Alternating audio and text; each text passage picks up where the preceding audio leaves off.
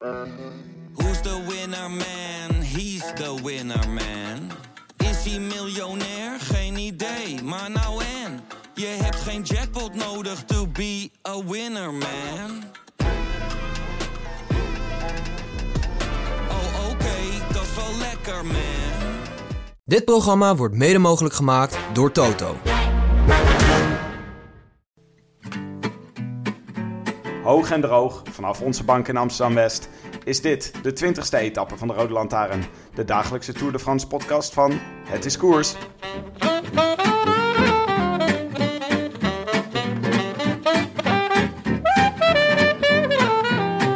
Vandaag de laatste Alpenrit van de Tour de France 2016. Wij praten u bij, ook dit laatste weekend. Snik, mijn naam is Tim de Gier, tegenover mij zit Willem Dudok. Was het een spannend slot, Willem? Nou Tim, het was eigenlijk de dag na de respectievelijke tragedies van Bouke en Tom. We begonnen een beetje mokkend op de bank, maar verdomd, het werd een mooie rit. Op de flanken van de Jouplan leek Vincenzo Nibali te beslissen, maar Jarlinson Pantano en Jon Izagirre sloot zich net voor de top bij hem aan. In de kletsnatte afdaling was het verrassend genoeg die laatste die de rapste daler bleek. En zo werd de laatste bergetappe van deze Tour prooi voor Jon Izagirre. Net zoals wij Tom Dumoulin toejuichten op Arcalis in Andorra... zullen de Spanjaarden en zeker ook de Basken op dit moment eh, juichen voor hun Jon Izagirre. Want wat doet hij dit mooi, wat doet hij dit geweldig. Wat heeft hij hier op een berekenende, prachtige manier. Ha, die glimlach op zijn gezicht, die is mooi zeg. Hij kijkt echt, hij lacht zijn tanden bloot. Hij kan het bijna nog niet geloven. De zonnebril omgekeerd op zijn helm eh, gezet. En dan gaat hij daar de laatste bocht door. Dan gaan de armen breed. En Jon Izagirre wint hier de etappe naar Morzins. I wish I could be in the south of France. In the south of France. Sitting right next to Was leuk gisteren hè, met Nienke. Ja, dat was echt heel leuk. Je hebt gewoon de hele middag met Nienke de Jong op een bank mogen zitten. Ja, ze wisten echt heel erg veel vanaf. Was het onderhoudend? Ja, ja. maar zij heeft dus ook echt met, eh, met renners beroemde bergen opgereden. En zij kan dingen zeggen als... eh, de linkerkant van de berg is veel eh, zwaarder dan de rechterkant van de berg. Of de oostkant. Want ze heeft er gewoon gereden. Oh, Ja, ja. jeetje. En met dan met beroemde renners. Ja. Ook soms wel eens. En journalisten en zo. Ik vind haar dus echt heel grappig altijd. Ja. Ja, nee, dat was ook. Ja. Ja. Het, was, ehm, en het was ook wel een goede etappe hoor, om samen te kijken. Ja, daar zat veel in. Ja. Veel drama. Ik kreeg, ook- kreeg ook eh, leuke reacties, toch? Ja, ja, heel leuk. Ja.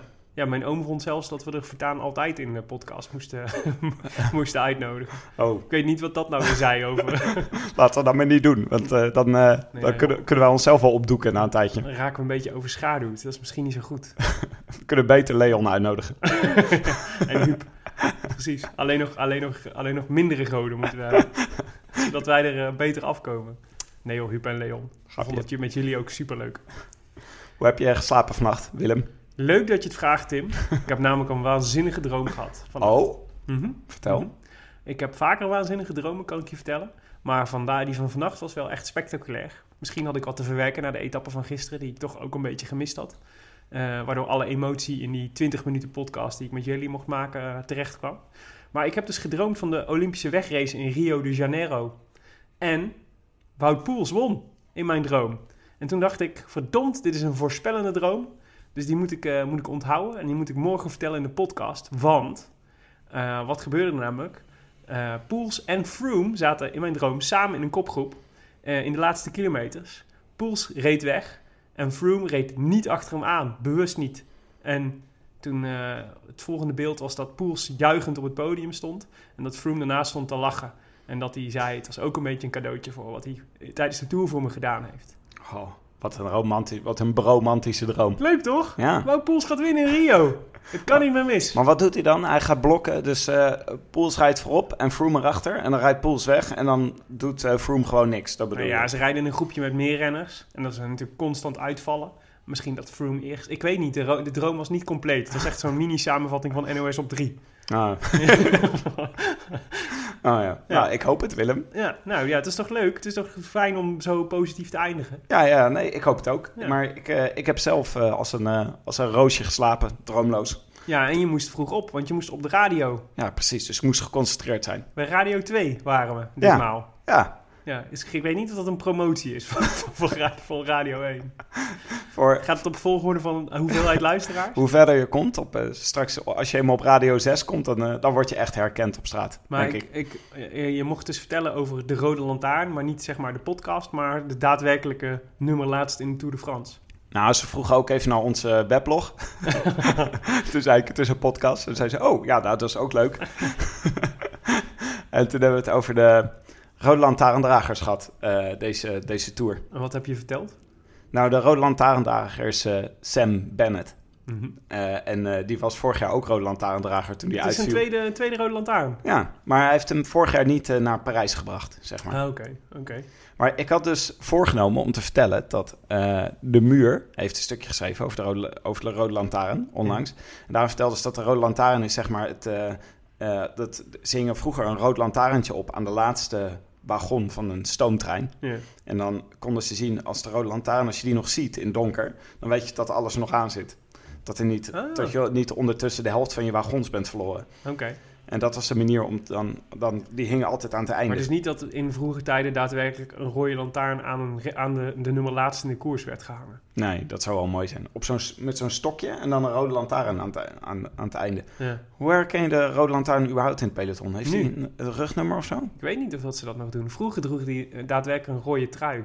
Ja, Ja, ja je, je ziet hem nooit. Nee. Hij rijdt helemaal achteraan. ja, ja precies. Ja, misschien moet de rode trui gewoon weer terug. Dat zou wel leuk zijn. Ja. Dat we hem gewoon herkennen.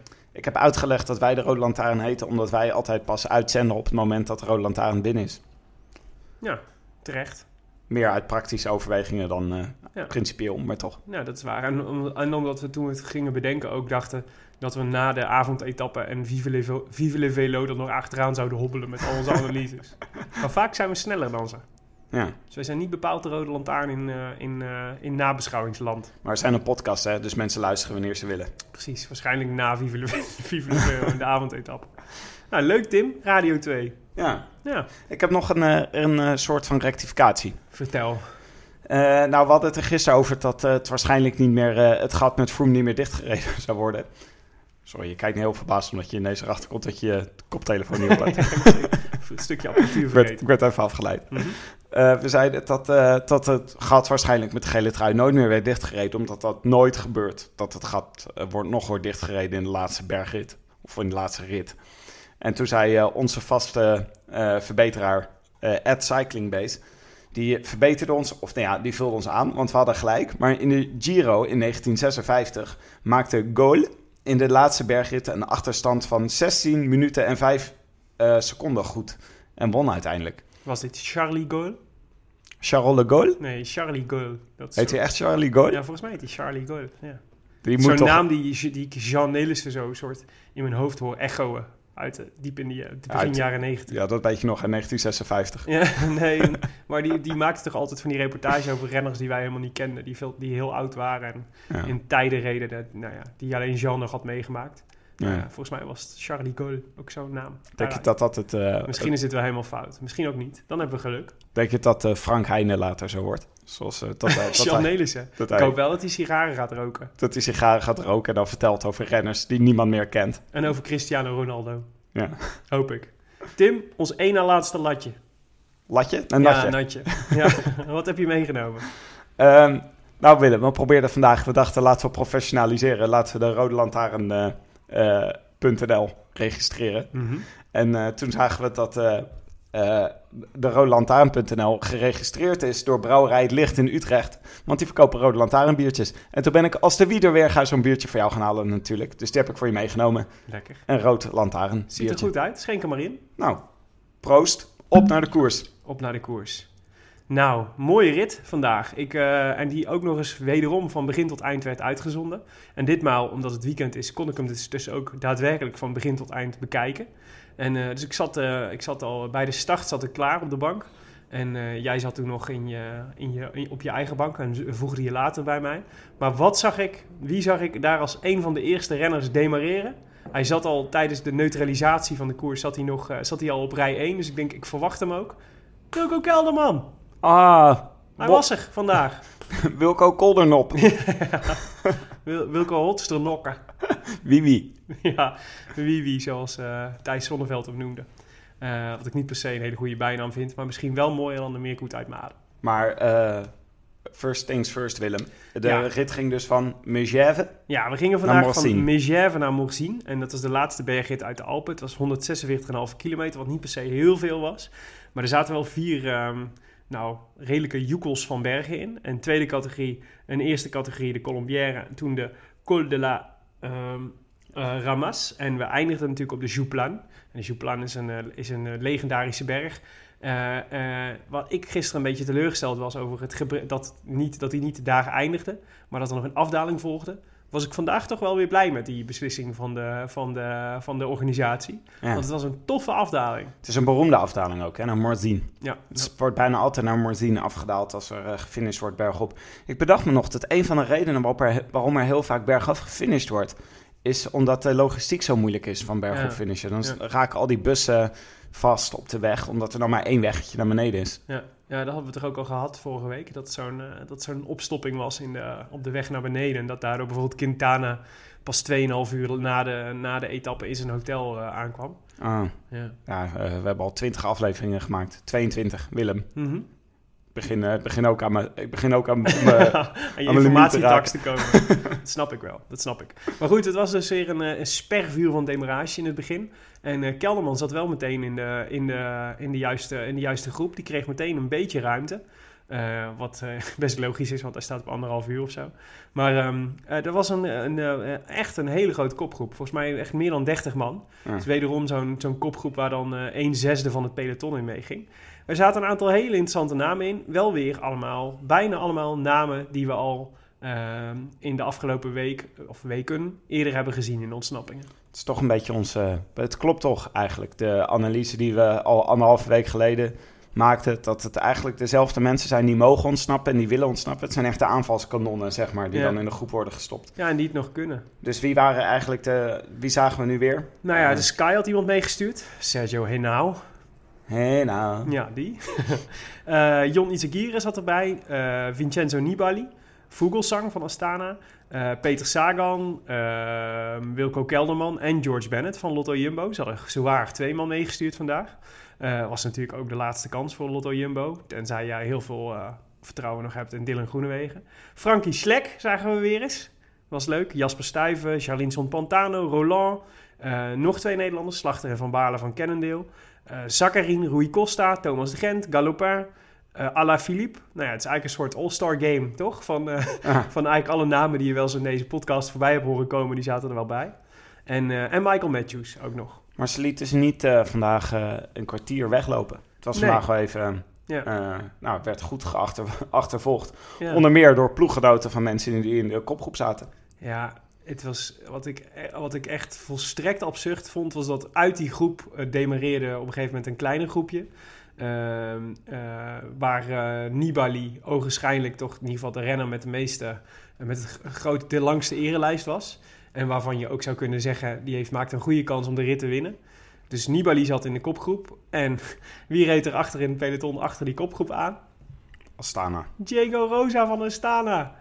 Dus, dus voorop was dus de situatie dat je dus dat Nibali op kop van het groepje aan het sleuren was en Diego Rosa, zijn teamgenoot, op kop van het peloton. Ik snapte Ah, er wederom helemaal niks van wat Astana. Astana, Astana. Ik, ik denk dat ze gewoon... Ik heb het gevoel dat er daar gewoon ruzie in de tent is de hele tijd. Dat ze dus... Dat ze aan de ene kant willen ze wel voor Aru rijden. Maar dat vindt eh, Nibali vindt dat misschien ook wel een beetje boven of eh, beneden zijn stand. En eh, dan gaat Diego Rosa gaat een beetje voor eigen succes. En het ziet er allemaal een beetje ongeorganiseerd uit. En ze hebben de, wel de hele tijd plannen. Maar misschien zit wel... Astana is vast van een of andere rijke zakenman uiteindelijk. Die dan gewoon opbelt en zegt... Ik wil nu dat jullie de Tour winnen vandaag. Ja. Ga voorop Ik rijden. wil jullie zien. Maakt me niet uit waar. En er zit ook nog die gekke Vino in de, in de ploegleiderswagen. Maar dit is echt, maar het is ook, het is een terugkerend patroon. Dus het is ook, het is echt dus lastig eh, om er, ik snap, ik snap er helemaal niks meer van. Wat ze, wat ze nou aan het doen zijn en wat de bedoeling is. Want er gebeuren dan iedere keer hele gekke, dus ze rijden ze een tijdje op kop. En dan gebeurt er daarna weer iets, iets heel raars. Nou ja, dat was nu ook weer. Daar komen we zo wel op terug, want op de Jouplan ging het ook niet helemaal soepeltjes. Maar in, kijk, Nibali in de kopgroep, dat is volgens mij de, de, eh, met een, met, waarvan je weet dat een, een afdaling tot slot komt. Dan denk je, ja, dit is eh, toch kat in het bakkie voor Astana. Dus dit, hier ga je gewoon lekker achter in het peloton hangen en proberen om bij te blijven, een beetje Aru te beschermen. En dat is het dan. Ja. En laat, ga zeker niet het werk van, eh, van Sky opknappen. Want dat is, dat is wat ze uiteindelijk dus het gevolg is. Dat Astana heel veel kopwerk in deze Tour heeft verricht voor Sky. Ja. Dus ik denk dat Froome heel dankbaar zal zijn eh, voor, eh, aan uh. Gisteren kregen ze ook een beetje ruzie, hè, toen ze met z'n allen voorop reden. Toen begonnen ze Nou, elkaar... volgens mij snapt het zelf gewoon niet meer. Ze zaten elkaar een beetje te duwen en gekke gebaren te maken tegen Ja. elkaar. Ja, ik, vind het, ik vind het by far de vreemdste ploeg in de Tour. Maar En ik snap heel goed dat Lars Boom hier weg wil. Want het is echt een soort... Het is totale chaos. Het lijkt de, het lijkt de Trump-campaign wel. ja, eh, het, ik dacht... Ik, nog, Waarschijnlijk hebben ze ook dezelfde sponsor trouwens. ik vind het jammer dat jij nu Trump-campagne zegt. Want ik zat dus te zoeken naar de perfecte metafoor. Ik dacht, is nou Chelsea? of is het Real Madrid? Of is het Manchester City? Ja. Maar ik vind het dus... Het heeft niet de allure van Real Madrid. Dat is toch een beetje Sky misschien, weet je wel? Die kopen gewoon de beste renners. Ja. En het is ook niet Manchester City. Want ehm, ja, Manchester... Ja, nou, misschien is het wel Manchester City. Ja, Want het is ook niet Chelsea. Chelsea heeft toch nog een bepaald karakter. Maar ik vind Astana echt een karakterloze ploeg. Die gekke dingen doet met gekke renners. Misschien is het zo'n Arabische Emiratenploeg. Of Shenzhen Dongjiang uit China, die nu allemaal spelers opkoopt. Ja. Ja. Ja, ja. ja. maar als- misschien is het ook gewoon de Trump-campaign. Ja, vind de Trump campagne vond ik ook een goeie. Ja, precies. Op de Jouplan, dat daar, eh, daar was, ging het pas, eigenlijk pas echt los, hè? Ja, want tot die tijd zagen we dus eigenlijk gewoon de- die kopgroep met Ja. daarachter het peloton met favorieten. Geleid door eh, Astana. Ja. Maar op de Jouplan regende het. Wat al toch al garant staat voor een mooie beelden en spektakel. Eh, en ontstond er heibel in de kopgroep. Ja, ja het, was, eh, het was feest. Ja, Hij, ja, heibel, feest. Was eh, aanvallen, terugkomen. Het was voor het het, was eerst... mano a mano was het. Ja, maar het was voor het eerst in deze Tour, wat je dus nog niet had... en wat ik echt bij een bergetappe vind horen... is dat mensen lossen en weer terugkomen... en dan weer demereren en dan wegblijven. En Ja. er waren valpartijen, er, was, ehm, eh, er werd eh, ruzie gemaakt. Het, was al, het had alles wat zo'n, wat zo'n rit nodig heeft. Ja. En er ontstond eigenlijk een kopgroepje van vier man... met een speciale vermelding eh, voor Wilco Kelderman. Dus er waren vier man voor, voor, eh, vooruit. Isagire, Nibali, Pantano en Alaphilippe. En Kelderman die daar vlak achter reed. Ja. Nou, we begonnen eigenlijk met drie, hè? Dus Pantano, Alaphilippe en, ehm, eh, en Nibali. Die Ja. reed met z'n drieën reden. En daar sprong Nibali van weg. En eigenlijk hadden we met Izagirre, die reed er eigenlijk achter. En Kelderman ook. Maar Izagirre slaagde er dus in om weer terug te komen bij dat, eh, bij, eh, bij dat groepje. Wat super knap was. Ja. En, ehm, en toen ging eh, Nibali ging aan. waarvan wij dachten, dat is kat in bakkie voor Nibali. Want hij heeft gewoon, die, die springt weg op de, op de klim. En dan kan hij daarna, kan hij daarna zijn afdaling in. En dat, dat kan niet goed, dus daar gaat hij het niet meer verliezen. Maar hij kwam niet echt weg. Dus hij bleef een beetje in, volgens mij 20 seconden maximaal. En het gat, eh, het gat werd, eh, werd een soort harmonica. Dus groter en kleiner en groter en kleiner. Totdat eh, uit de achtergrond inderdaad Izagirre kwam. Pantano met zich meenam richting, richting Nibali. En ze eigenlijk met z'n drieën de top van de Jouplan bereikten. Ja. Ja, Het was, wel, het was wel een gekke dag zo. Ik vond het ook wel... Het is ook wel gek dat ineens die Pantano de hele tijd voorop rijdt. Ja, Vind ik toch wel gek dat hij ineens zo ongelooflijk sterk is. En dat Nibali zo ongelooflijk zwak is. Het heeft natuurlijk altijd een beetje met de Giro te maken... en de voorbereiding Ja. op de Olympische Spelen. Maar ik geloof toch dat als je een sportman bent... en je zit bij het kopgroepje... en je hebt een etappezege in het vizier... in een grote bergetappe... ja, dat je dan niet lost en dan weer terugkomt. Want dat betekent dus wel dat de motivatie er is om dat te doen. ja. En het is, eh, het is een hele grote renner. Maar zo'n Pantano is gewoon echt beter. En eh Alaphilippe reed ook goed, vond ik. Ja, ja, zeker. Maar die reed kan zeker steeds goed, net kon, niet mee. Kon uiteindelijk kon hij toch weer net niet, eh, net, redde hij het weer net niet. Zo'n Pantano is gewoon 10% beter eigenlijk dan uh, Alaphilippe en dan Nibali deze Tour. Ja, ja, precies. Nou ja, eigenlijk, kijk, deze renners, het is natuurlijk super knap dat je in, in de, laten we zeggen, helemaal aan het slot van de Tour nog zo'n inspanning kunt doen. Want het is natuurlijk voor allemaal, is het, is het, is het volgens mij zitten ze allemaal helemaal op het gaatje. Dus, eh, dus eh, in dat opzicht zijn ze, dat feit dat Nibali hier nog tussen rijdt en nog een aanval, dat maakt hem al een toprenner uiteindelijk. Dus het maakt hem sowieso al een van de betere eh, van deze Tour. En hij heeft ook vaak, vaak en veel aangevallen. Ehm, en, ehm, maar ja, dus de- wat je vervolgens, nou ja, dus e- even, dat was de, we zitten nu op de top met die, met die drie. En, maar achter in, de, in het peloton gebeurde ook iets bijzonders. Daar zagen we Bauke Mollema demareren. Wat een gek dag had Mollema vandaag. Ik denk dat hij een beetje vanochtend heeft gedacht...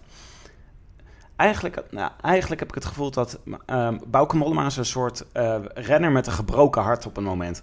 Gisteren ging hij echt zo hard ging hij door het ijs. Hij keek zo somber. Het was zo'n tragische Ja. lijdensweg naar de finish. Hij kwam echt binnen alsof hij net gedumpt was door de vrouw van zijn leven. Mhm. Zo keek hij. En vandaag was een beetje zo de rebound dag. Zo, zo dat hij, hij probeerde het nog, maar je Ja, wist dat het niet ging eh, lukken. Je, hij wist zelf ook dat het hopeloos was. Dus hij moest er al af eh, op de ene laatste klim. Ja, En toen kwam, wist hij terug te komen. En toen ineens op de laatste klim, op de Jouplaan, ging hij gewoon aanvallen. En het zag ook, het was een, aanval, het was een serieuze aanval. Ja. Hij probeerde het echt. En eh, hij reed ook, eh, maakte een gaatje van 20 seconden of zo. Ja. En wij stonden juichend allebei met twee handen in de lucht voor de tv. ja. Nee, zeker. Nee, het was, Maar ja, dat was, het, het mocht niet, het, ze wil niet. Nee, nou, De vrouw van zijn leven, de Tour. Nee, nee, want hij, hij waaide al vrij... Nou ja, hij hield het eventjes vol, maar hij waaide toch eigenlijk nog wel verdomd snel terug in de groep. En moest daar vervolgens lossen. En eh, ik denk ook dat hij ging, eerlijk gezegd, niet alleen vanwege de vrouw van zijn dromen en om die terug te veroveren. Maar ook omdat ehm eh, voorin natuurlijk Kreuzinger zat. Dus, eh, dus, eh, ehm, en Kreuzinger had eh, dus de kans om, om top 10 te rijden. En dat zou betekenen dat Mollema van de tiende naar de elfde plaats zou gaan. Dus ik vermoed dat de dood op de gladiolen ook nog daarmee, een beetje daarmee te maken had. Dat hij Ja. dacht, ik moet proberen om dit, om, om, om dit te- tegen te houden. En als stel dat het lukt, want uiteindelijk, als je kijkt naar de nummers 2 tot en met 10, dan zat daar uiteindelijk ook nog maar drie minuten verschil tussen ongeveer. Ja, drie minuten is, is veel, maar het is ook weer niet heel erg veel. Wij zaten al te berekenen hoeveel moet hij dichtrijden om Bardet terug te Om halen. tweede te worden. Dat was, wel, dat was wel legendarisch geweest, maar dat zat er dus niet in. Maar toch, ik vond het wel heel tof van Ja. Mollema. En ik vond het echt heel leuk dat hij in ieder geval zichzelf liet zien. En het zegt echt heel veel over zijn karakter, vind ik. Nou, hij zei zelf achteraf zei hij wel over, het- over die aanval. Hij wilde zich gewoon weer even goed voelen. Ja, En, dat en tiende of elfde worden, hij wilde niet verdedigend gaan rijden. Want tiende of elfde worden maakt hem niet zoveel uit. Nee, nee, dat snap ik wel. Nou, gaan we weer even terug naar de Astana's. Want er zaten er ook nog een aantal van in, de, in, de, Ja. in het peloton. Maar wat gebeurde daar? Ineens stond Aru geparkeerd. Ja, nou ja, zoals Mollema er gisteren afging. Dit was nog veel dramatischer hoe Aru er vandaag afging. Ja, ja er werd Aru, meteen... eh, pardon. Ja, ja er Toch werd meteen... Aru, denk ik. Aru. Ja. ja. Maar de, eh, de ja, hongerklop, zei iedereen meteen. Ja, maar wat een rare renner is dat. Weet je nog hoe die gisteren als een maloot tekeer ging? Vlak, zeg maar drie meter voor het groepje en niet wegkwam. Ja, En dus vandaag weer zijn kop, eh, zijn, zijn ploeg eh, aan kop zetten. En de manier, de wijze waarop hij eraf ging, hij stond echt helemaal stil. Hij reed bijna achteruit. Op een gegeven moment kwamen er renners langs rijden, die gingen hem een duwtje geven. Omdat Ja. ze echt dachten, wat is er Giel- met deze Giel jongen had medelijden met hem. Ja, Ja. Als je zo gauw je een, een- inderdaad een schouderklopje krijgt in, in het midden van de etappe, bo- eh, terwijl je nog, wat is het, nog 20 kilometer moet fietsen, Van een tegenstander. van Warren Barguil die zegt, gaat het jongen? Dan is, het, dan is echt serieus iets mis. En eh, het is ook een soort drama met al die, eh, die, eh, die Astana's die rondom heen, om, hem heen waren en ook allemaal schouderklopjes gaven en hem, en hem probeer, nog een beetje probeerden uit te duwen. Dus ik, ik moest eigenlijk meteen denken aan Nienke, die zei... eh, ik, ik hoorde Rita Hovink met eh, Laat me alleen, alleen met al mijn, al mijn verdriet. Ik denk, ik denk dat Aru de, de Italiaanse versie daarvan al wel even had willen horen. Ja, nou ja, wa- eh, het vervolg was natuurlijk, dat, die wapperde eraf, Mollema wapperde eraf. Maar eigenlijk zagen we alleen de, de, de Skybot voorop rijden. Ook eh, deze etappe weer naar boven in de stromende regen. Het was wel een indrukwekkend gezicht. Er waren 13 rijders en daarvan waren er vier van, eh, van, eh, van Ja. Team Sky. Ja, was mooi. De, de afdaling, want dat was natuurlijk het, de, de plek waar de beslissing viel. Dus de, de, de beslissing met tussen het Nibali, Izagirre en... ehm, eh, wie was nou de derde? Pantano. Pantano, ja. Charles Precies. Linson. Ja, dit is super interessant, want eh, Pantano en Nibali staan wel bekend als de, de beste dalers van het, eh, van het peloton. Eh, Nibali heeft die reputatie al langer en Pantano heeft hem deze tour, de- deze tour verdiend. Het zijn jongens die over het algemeen ook veel risico lopen. Nibali, het was een regenachtige afdaling, dus ik moest meteen denken aan zijn Lombardije van vorig jaar, waarin hij in de stromende regen in de afdaling naar de finish, eh, naar de finish won. Dus ik had, dacht, nou ja, Nibali maakt gewoon hier nog steeds de beste kans. Eh, maar wat schetste onze verbazing? Ineens was daar Jon Izagirre die supergoed bleek te kunnen dalen. Ja, die reed gewoon gelijk weg. Ook gelijk helemaal in het begin. Ja, Gewoon Ja, zonder problemen ja, ja, wegrijden. Hij maakte gewoon een gat en ze kwamen er niet meer bij. Eh, en hij won. En ja, wij worden natuurlijk altijd heel blij van Izagirre. Behalve dan dat ik Itagire niet meer kan, niet, niet meer kan horen zonder aan eh dispuut uilenbal te denken.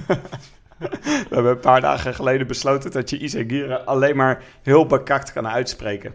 Vooral zijn broertje, hè? Als- Gorka. Gorka, Isagire. De Amsterdamse, Isagire. Amsterdamse koorbal. Leuk. Dus het zal wel een feest op de zo zijn eh, vanavond. Ik denk dat, eh, dat broertje Gorka klaar staat voor de kroeg, joh. Isagire, gefeliciteerd. prachtig, eh, prachtig ritje heb je daar gewonnen. Prachtige overwinning. Nou ja, leuk. Dus feest bij de broertjes Isagire en Dispuut Uilenbal vanavond. Eh, en ehm, hij- ja, dat is Ah, een hele mo- Isagire. echt een hele mooie klasse, echt een klasse overwinning. En, en volgens mij de mooiste uit zijn carrière. Ja. Dus gefeliciteerd Jon, top gedaan. Eh, een paar minuten later zagen we Chris Froome dus omringd door zijn skybots glimlachend over de finish komen. Eh, en ja, glimlachend natuurlijk omdat alle lasten van hem afvielen. En hij besefte, ik heb hier de Tour gewonnen. Eh, een paar minuten daarna zagen, zagen we Bauke Mollema binnenkomen. Ja. Die dus inderdaad uit de top 10 kukelde. En toen wij eh, daarna rustig onze boerenkool opgegeten hadden en nog uitgebreid gesoupeerd hadden, Ja, toen kwam Aru ook nog eens binnen. precies. Ja, het was, een, eh, het, was een, het was weer een memorabele dag, Tim. Ja, nee, het was een mooie etappe. Het was, dit was eigenlijk het, het spektakel waar we al Ja. een paar bergritten op hoopten. Absoluut. Schenk jij nog even bij. Oh, nog even bijschenken, Willem. In het laatste weekend. Proost. Proost. De glazen bolcup. Hashtag rode lantaarn. Nou ja, Adam Yates, Tim, had je gezegd.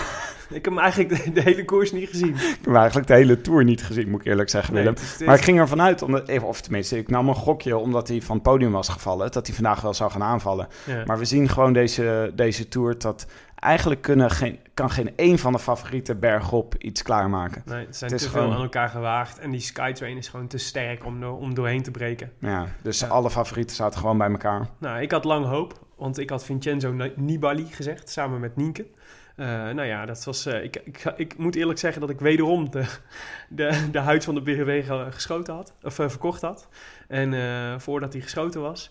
En eh, daar werd ik eh, keihard voor gestraft, want Vincenzo kwam pas als derde binnen in plaats van als eerste, waar ik op had gehoopt. Maar ik heb toch de hele dag het gevoel gehad, misschien ga ik, eh, misschien ga ik hier de 3-0 maken. Maar nee, Ja. het blijft 2-0.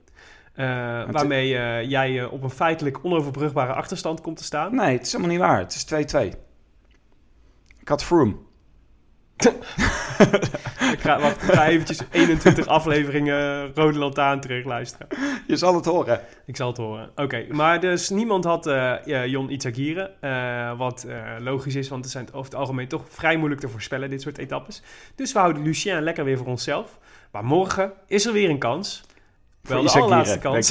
Ja, wel de allerlaatste kans. De allerlaatste gewone etappe. Nou ja, gewoon, noem het maar gewoon. Van Chantilly naar de Champs-Élysées in Parijs. Eindelijk, eh, we hebben volgens mij nog geen één keer het, eh, de zin Parijs is nog ver gebruikt. Oh ja, want Parijs is ook helemaal niet ver Nee, meer. Parijs is echt super Dus te dichtbij, laat. feitelijk. 113 kilometer nog maar. Eh, van Chantilly naar Paris-Champs-Élysées. Een rit die altijd, het is de laatste rit, dus die start laat. Dus de renners hoeven pas om half vijf op de fiets te zitten. En de finish is rond 7 uur, half acht op de Champs-Élysées. Nadat we daar een paar rondjes hebben gereden. En, eh, en eh, nou ja, een paar aanvallen zullen hebben gezien. Ehm, maar ja, er wordt, eh, ja, het is altijd, toch altijd spektakel. In ieder geval de eindsprint is altijd top. Er zal toch niks gebeuren, hè, Willem? Morgen. Ja, Wat bedoel je met er zal toch niks gebeuren? Ah, Parijs. Eh, zoveel mensen op de been, zo'n groot Oh, evenement. een aanslag bedoel je? Een wielrennen is zo, zo open, Ja. weet je. Het is zo makkelijk om bij het parcours te komen. Het is, er zijn zoveel mensen boven op elkaar. Nee, nee, nee, ik weet het niet. Ik wilde Ik niet... brand de kaarsje hoor, Willem. Ik, laten we een kaarsje branden, maar er verder niet bij stilstaan. Laten we hopen op mooi, eh mooi eh, wielerspektakel. Want het is altijd nog wel echt een hele spannende eindsprint, toch? Dus weet je, het is toch iedereen, e- elke sprinter droomt er zijn hele leven van om op de Champs-Élysées te winnen. Ja, En we hebben natuurlijk nog een hoop eh, sprinters in koers. Echt, echt eh, behoorlijk wat. ja. Dus dat is wel, dat is wel tof. Dus wie, op wie, op wie gok jij?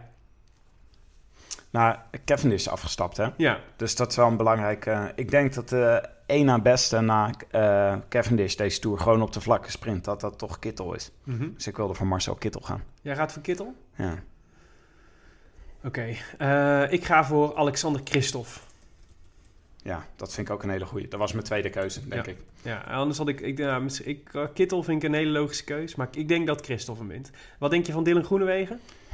Top Ja, 10? glorieuze zevende plaats, denk ik.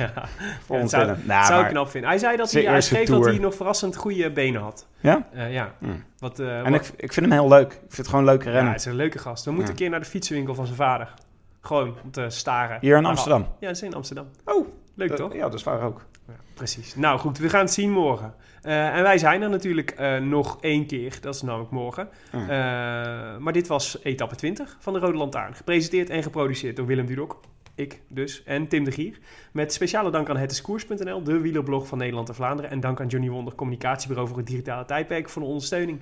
Als je wil reageren op deze uitzending, via Twitter zijn we te bereiken via Willem Dudok en Tim de Gier. Willem, mag ik iets vragen? Ja, We zeggen, we noemen al de hele tijd Johnny Wonder. Maar wat, eh, wat was die ondersteuning? hallo, alle apparatuur. Ja, en, maar- en mijn uren en mijn tijd. Ja, precies. Dat is jouw bedrijf hier, Ja, toch? bedrijf. Nee, ik denk, laten we het even een keer noemen. Ja, nee, dat is zeker zo. Oké. Bedankt allemaal, alle mensen van Johnny Wonder. Eh, gaat hij verder? Oh, sorry. Oh, eh, morgen zijn we er natuurlijk weer met het laatste vuurwerk op de Champs-Élysées en het laatste vuurwerk in onze podcast. Maar laat u niet weerhouden om nog eventjes een iTunes-recensie te schrijven. Zoals bijvoorbeeld Menno Haanstra gisteren deed. Oh, Ja, die ons vijf sterren gaf en schreef... Dit is echt geweldig. De heren zijn goed geïnformeerd, slim, gevat en vooral perfect op elkaar ingespeeld. Ja. Wees. Hier niet bij geweest. Prachtig voorbeeld van hoe goed wij op elkaar zijn ingespeeld. Doe denken aan de snijtafel en dat is ook categorie. Graag ook rondom de klassiekers en andere sportevenementen of gewoon evenementen. Ja, evenementen. Daar ben ik ook voor. Goed idee. Dankjewel, jaar, eh, Menno De Haanstra. Nijmeegse Vierdaagse. gaan we de hele, de hele tijd eh Fons de Poelen. Oké, tot, in, eh, tot in Parijs, Willem. Ja, voor het laatste vuurwerk in onze podcast. A biento, Tim. A biento. I wish I could be in the south of France. France. In the south of France, sitting right next to you.